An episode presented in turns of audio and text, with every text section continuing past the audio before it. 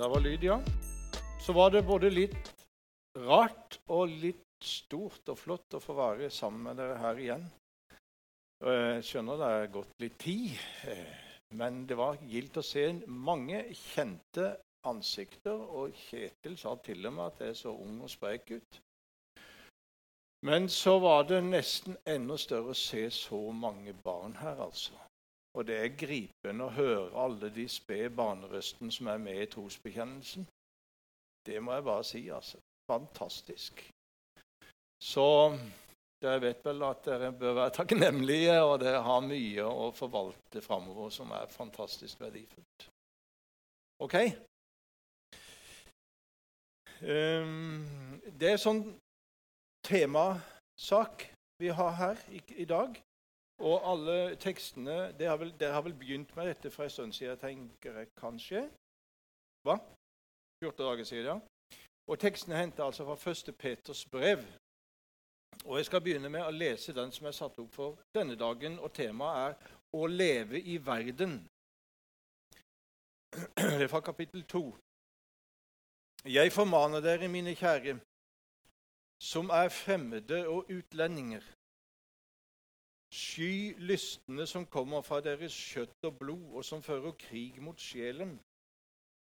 Lev rett blant hedningene, så de som baktaler dere og kaller dere onde mennesker, kan se deres gode gjerninger og prise Gud den dagen han kommer. Dere skal for Herrens skyld underordne dere enhver myndighet blant menneskene, enten det er keiseren, den øverste eller landshøvdingene som, har, som han har utsendt. De skal straffe dem som gjør det onde, og rose dem som gjør det gode.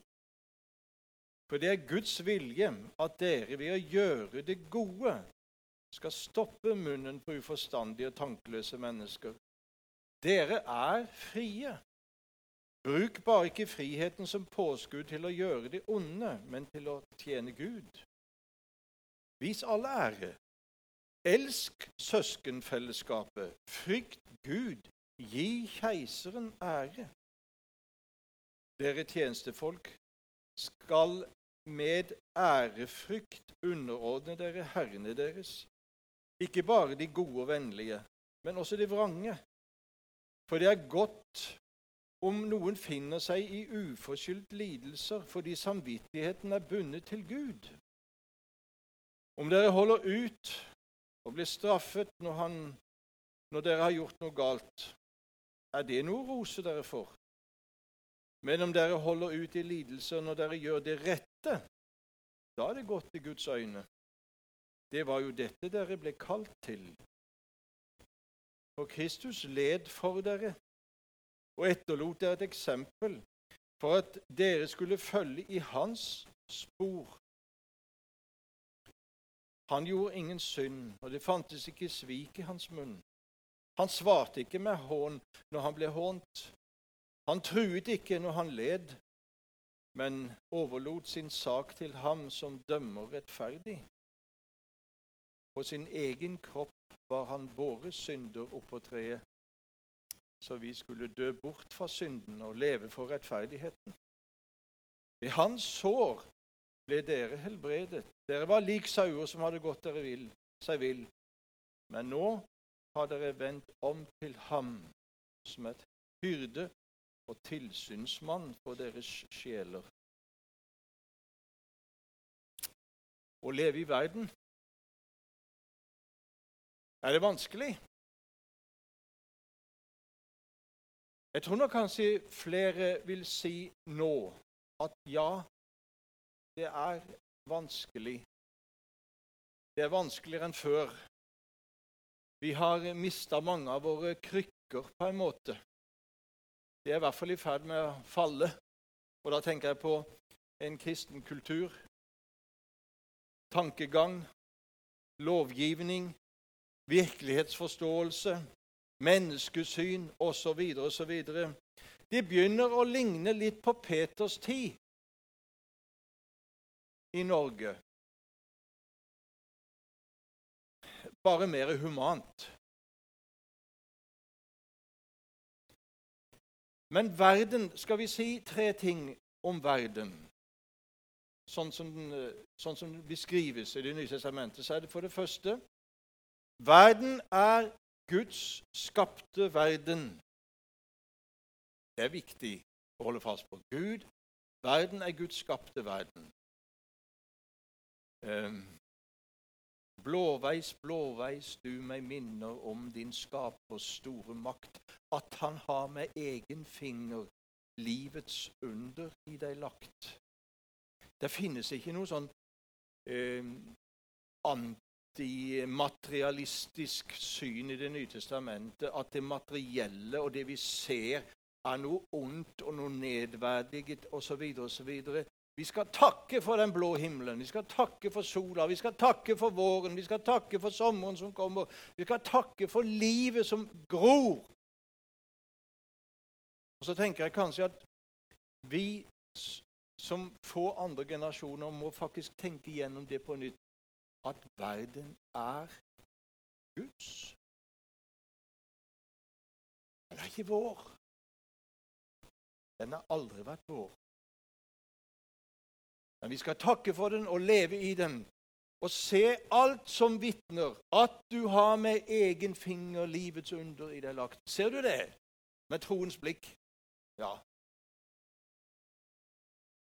Så får vi faktisk litt støtte også etter hvert fra vitenskapen om at dette, denne verden vi lever i, den er og blir et mirakel.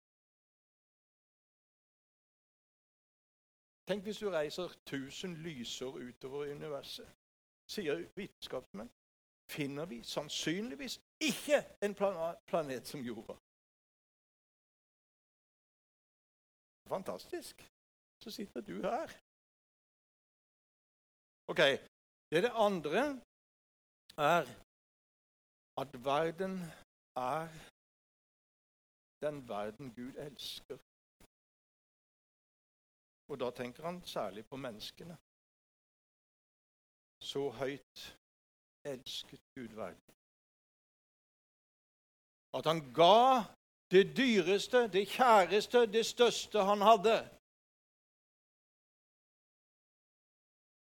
Gud vil ikke miste en eneste en. Han alle vil adle og eie. For han er hver sjel som en perlestein hvis verdi bare himmelen kan veie. Og da er det et kall til oss, dere, at vi ber om å få Jesu blikk. Kveld. Naboene dine, vennene dine. Hvorfor er du her? Ser du det med Jesu blikk? Ser du bakenfor det rufsete, kanskje til og med uvennlige ytre? Kanskje ser du en sjel som lengter hjem. Det tredje perspektivet på verden som vi finner i Nytestamentet, det er at verden er den falne verden. Der mørket rår. Verden som har gitt seg løgnen i vold. Uretten i vold. Og som Bibelen sier, en verden som ikke har noe framtid. Og Den verden vi snakker om her, det er alt dette her blanda sammen. Er det vanskelig å leve i denne verden?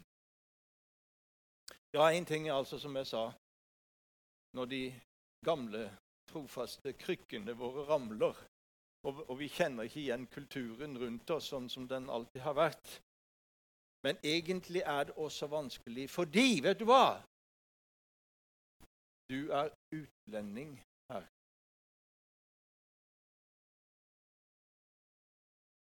Du er fremmed her.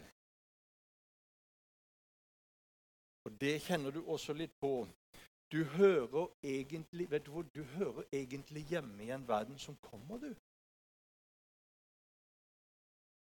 Det er ditt fedreland.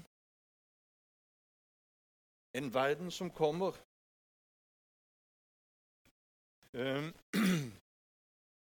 Og egentlig så kan den der ytre fremmedgjøringsfølelsen som vi kan føle på, den kan være med på å fortelle oss nettopp litt om den sannheten.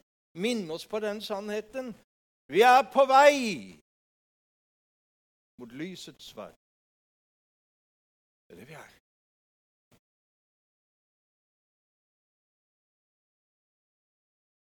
Det går som en rød tråd gjennom hele Nytestamentet.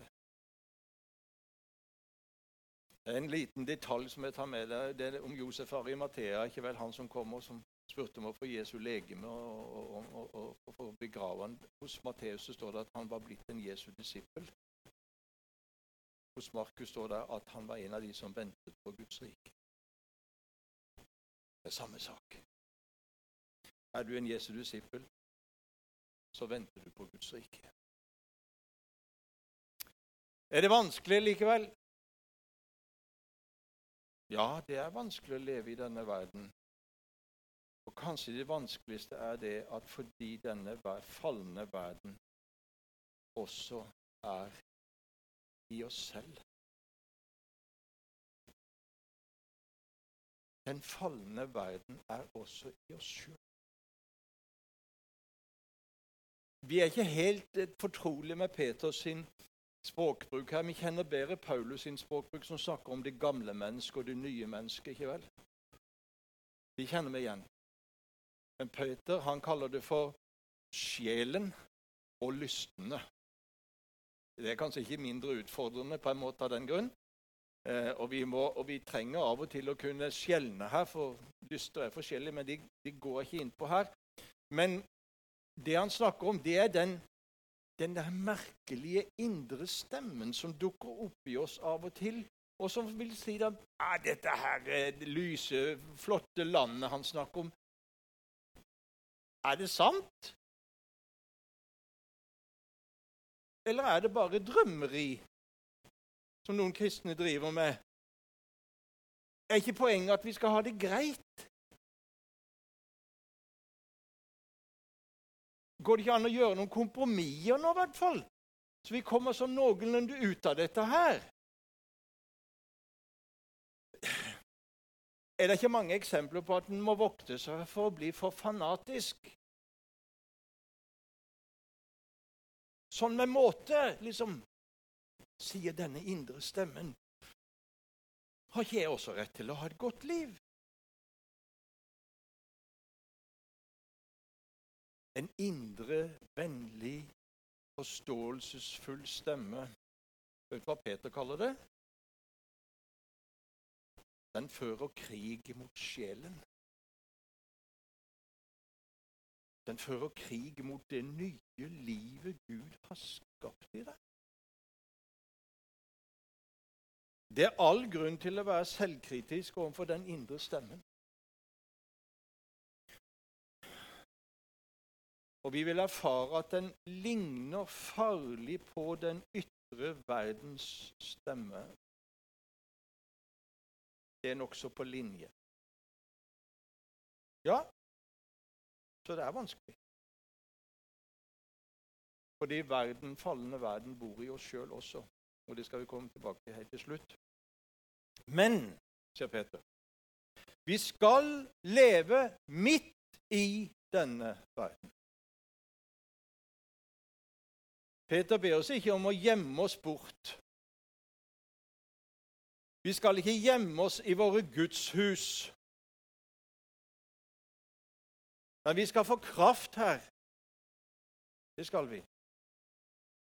Og her er tre orienteringspunkter når vi nå beveger oss ut i verden. Vi kunne tatt mange flere, og det er de store linjene som Peter her trekker fram. Men for det første Gud har satt inn noen styringsmekanismer midt i denne verden. Og de styringsmekanismene sier han at vi skal anerkjenne og respektere, faktisk. Og det er øvrigheten. Og vi vet hvor forferdelig mange slags øvrigheter det har vært opp igjennom. Og det er forholdet med arbeidsgiver og arbeidsherre og arbeidstaker og arbeider og disse greiene her. Selv om dette er blitt mye mer komplisert, så finner du nesten ikke et samfunn i denne verden hvor ikke dette faktisk finnes. Det er der. Og Peter sier noe, for første noe radikalt. Dere er frie. Det er ganske sterkt, for noen av de han snakker til, er sannsynligvis slaver. Men det går altså an å være bevisst i sitt indre at min egentlige dypeste eksistens, min sjel, min samvittighet, den er ikke underlagt noen andre enn Gud.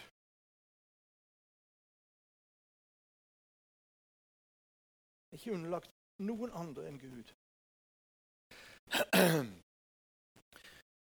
Du tilhører en annen herre, et annet rike.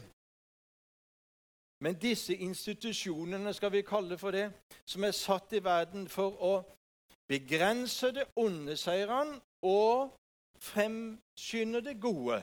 Det er poenget med de. Det laget der kan du også være med på og støtte og gi ditt bidrag til. Gjør det gode. Gjør det rette.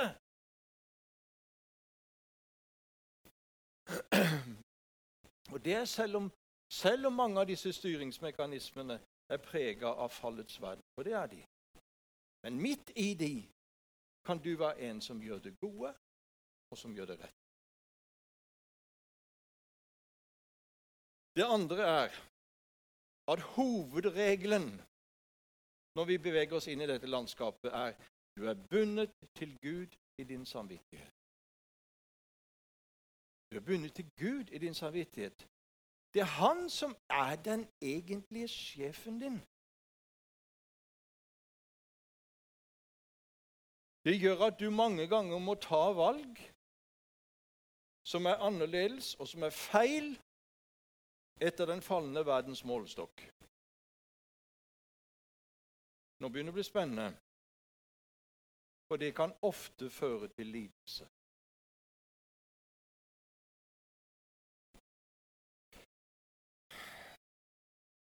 Og Peter er klinkende klar gjennom hele brevet sitt. Regn med lidelse. Regn med lidelse i denne verden. Og vi, vi vet nesten ikke hva det er. Men det er tusener på tusener av kristne brødre og søstre rundt omkring i verden som vet veldig godt hva det er. Og våre barn og unge, dere, tenkte på det når alle disse gikk ut. De kan ha det rett rundt hjørnet.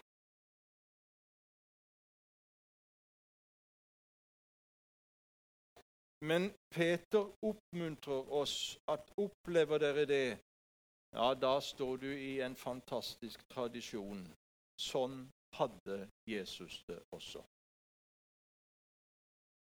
Sånn hadde Jesus det også. Det er en ære, egentlig, å få lide for Han. Det viser hvilket lag du er på.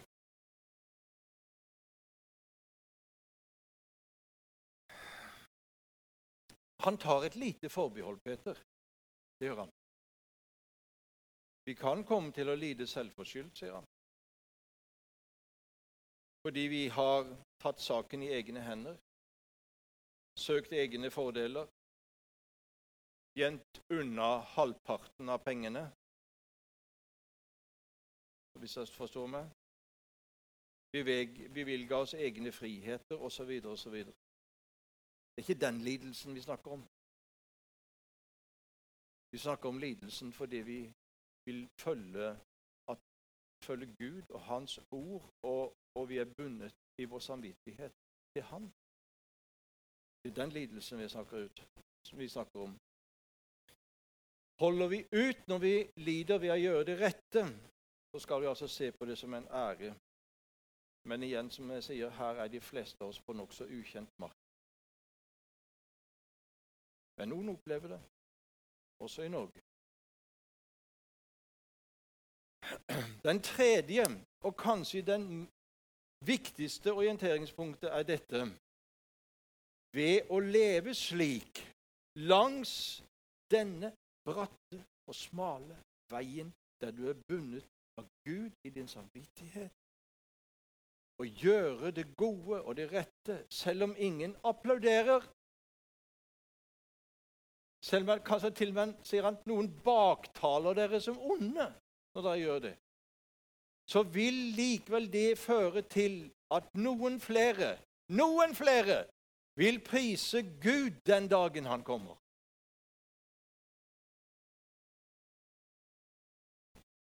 Og da settes livet vårt i, den, i denne verden i den aller største perspektiv, altså. Vi er her for å vinne nye. Vi er her for at det skal være noen mennesker som kan ta imot Gud og Hans rike når det kommer, med utstrakte armer. Og legge merke til jeg synes det er veldig viktig òg det, det, står faktisk ikke så skrekkelig mye om, om å vitne her, eller evangelisere. Eller. Hva står det mye om? Gjøre gode gjerninger. For det er mange som sier ja, jeg er ikke så god til å snakke for meg. Nei, men vet du hva jeg hørte en dag på et sånt lunsjrom? Det var en som sa det. Vet du hva, jeg kjenner faktisk en av disse her gale fra bedehuset. Og han er i grunnen en ganske kjernekar. For jeg, jeg, ville teste han litt. Og så spurte han kan ikke du bære inn veden for meg. sa jeg til han. For det sto to vedlav der. Du kan ta det ene, i hvert fall. Vet du hva? Han bar inn begge. De gode gjerningene på sikt, de vitner, de vitner, de vitner, de vitner. Og noen vil med glede ta imot Gud når han kommer, fordi du har gjort det rette og det gode.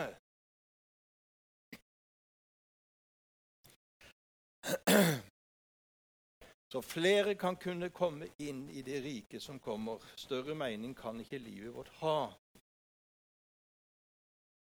Og det er det ingen tvil om gjennom det hele Nye testamentet. Hans rike kommer. Hans rike kommer.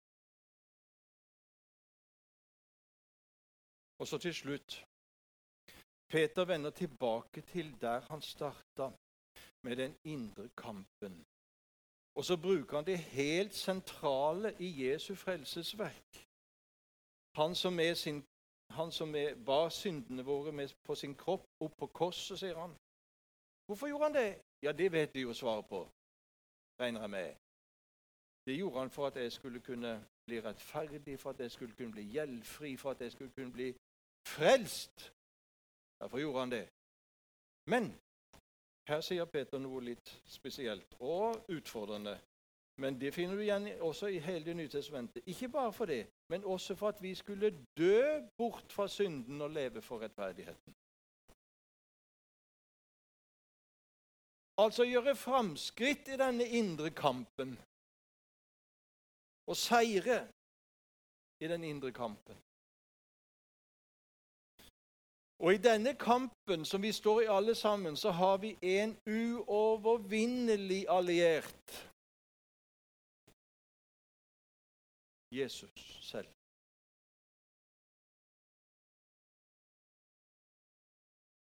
Han er kilden og motoren i det nye indre livet. Han er sekundanten. Han er matstasjonen. Han er veiviseren. Han er hyrde og tilsynsmann for deres sjeler. Så vær med i kampen. Lev tett på han. Gå i hans fotspor. Vet du hva? Da er du med på seierslaget. Da er du med på seierslaget. Og dette er troverdige ord av han som skriver. Peter, gikk han alltid tett på Jesus? Nei. Han rømte. Han rømte Getsemane. Han sveik han i yppersteprestens forgård.